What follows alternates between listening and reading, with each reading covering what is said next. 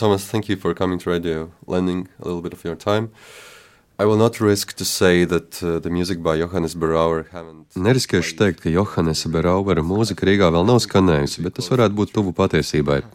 Kāda no jūsu skatu punkta ir Berauera mūzika? Like, what you think it's interesting in it? I think this is the first time Johannes Berauer's music is played in Latvia.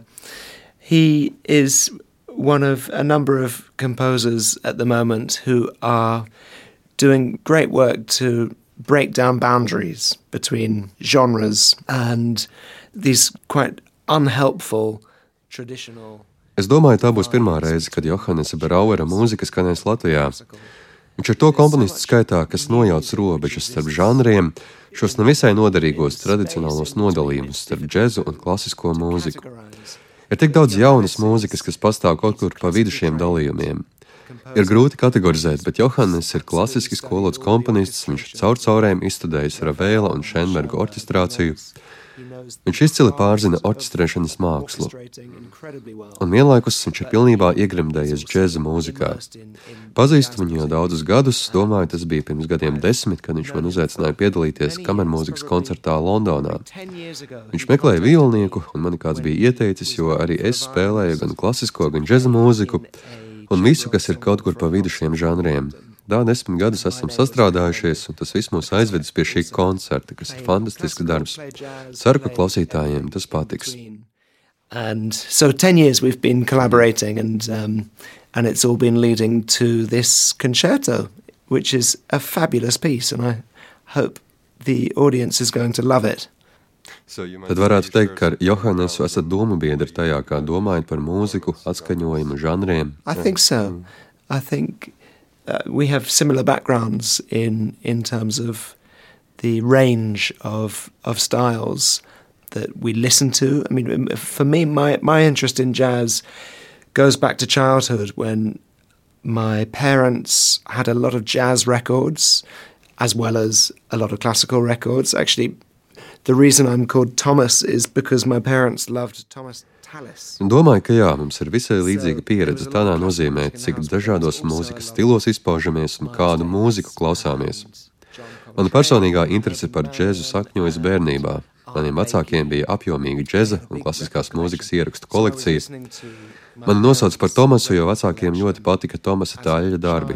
Un tad nu varat iedomāties, mājās skanēja daudz klasiskā mūzika, bet tāpat Mails Deivis, Džons Koltrēns, Herbijs Mans un Ārts Bleikijs. Bērnībā es pagūvu iepazīt savu vecāku lielo mūzikas kolekciju.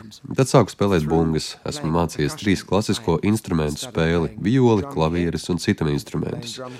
Tā nonācu pie bungu komplekta un ar to nonācu pie džeza spēlēšanas. Un man tas bija ļoti dabisks ceļš, kā nonākt līdz džezam. World of jazz.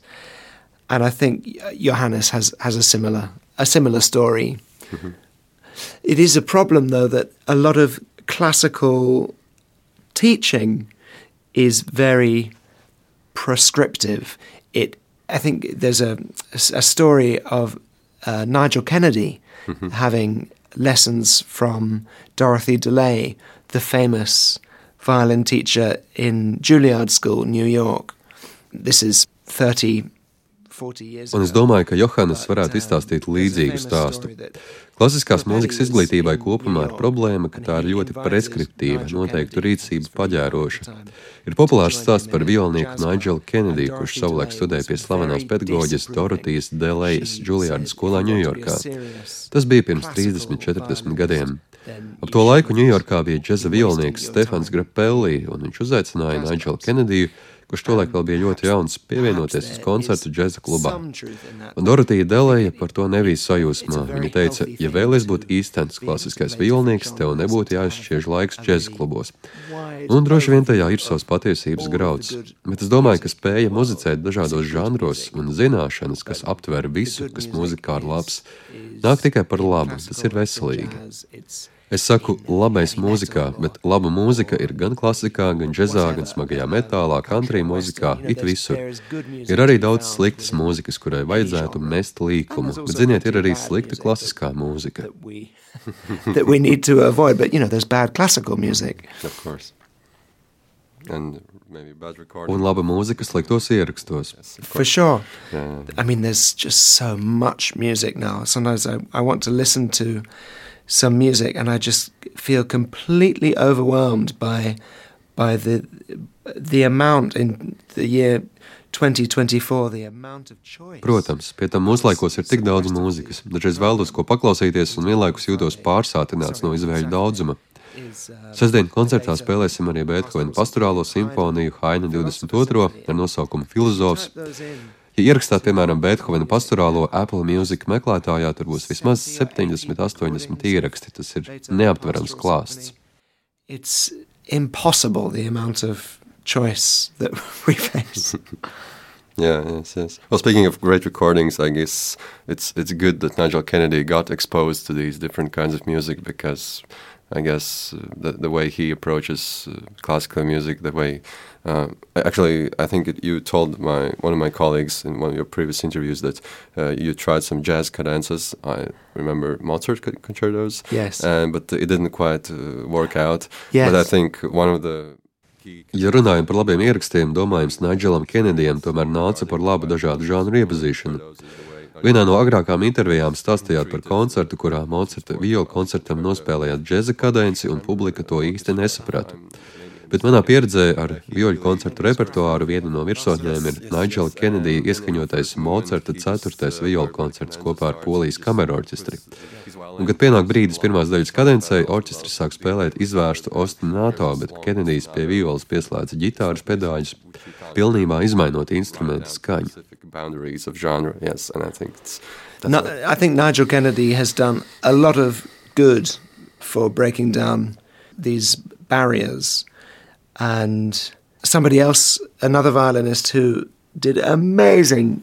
You, you talk of Mozart cadenzas, Gilles Apap. Mm-hmm. I don't know if you know yeah, mm-hmm. if you know of him, but if there are any violinists listening to this, I would urge you to go into YouTube, type in amazing violin cadenza.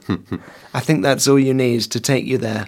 And the name of the violinist is Gilles Apap, and Es domāju, ka Naģels Kenedijs ir paveicis daudz laba, nojaucot robežas starp mūzikas žanriem.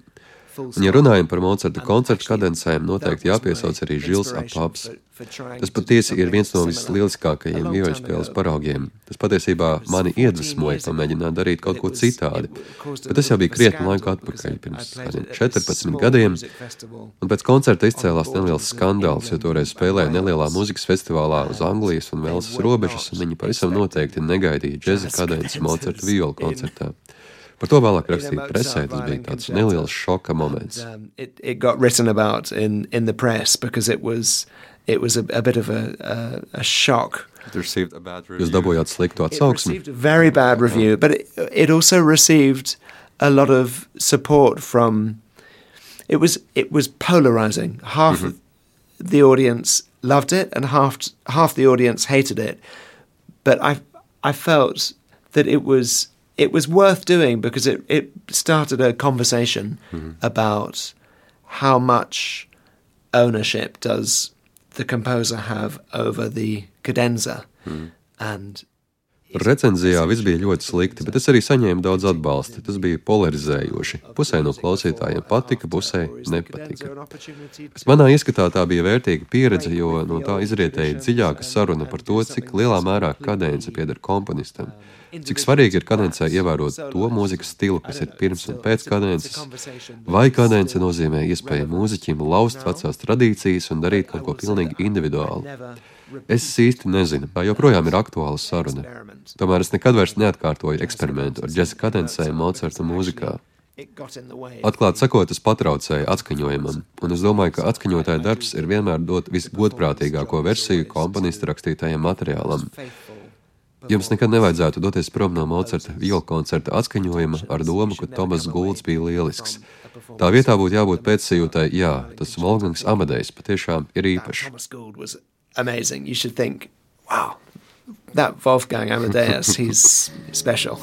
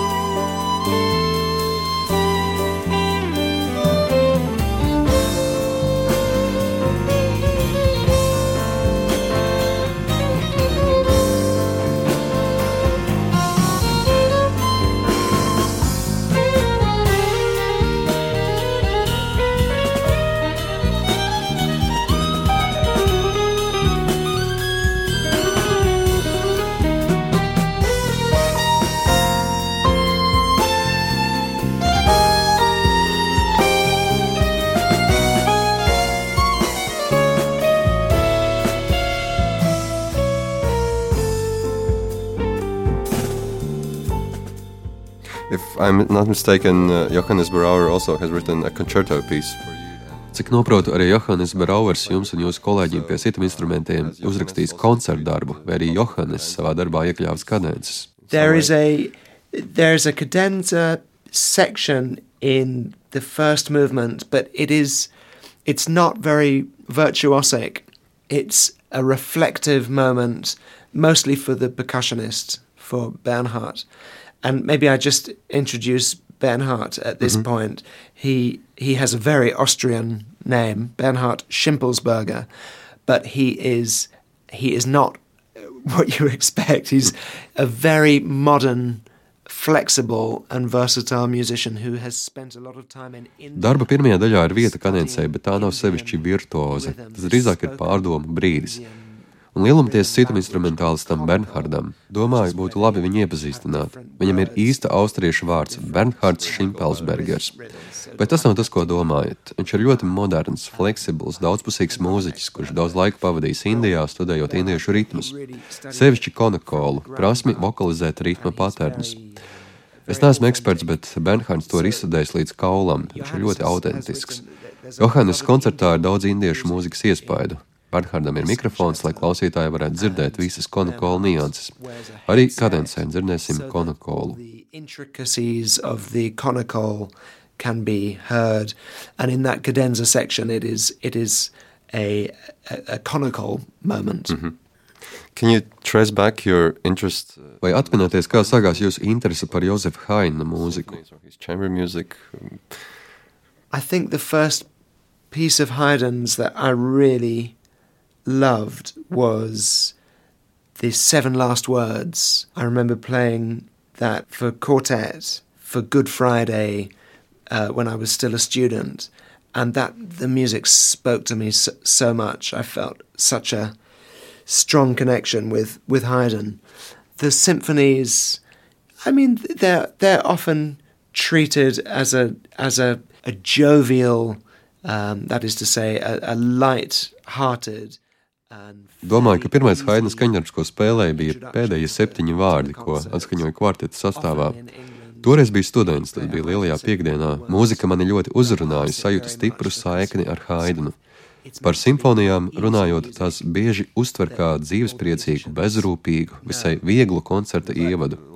Anglijā nebūs ratums, kas spēlē Haidna simfoniju, un mēģinājumos tai netiek veltīts daudz laika, Jo vispār pieņemts, ka tā ir viegla mūzika, kuru mūziķi pazīst.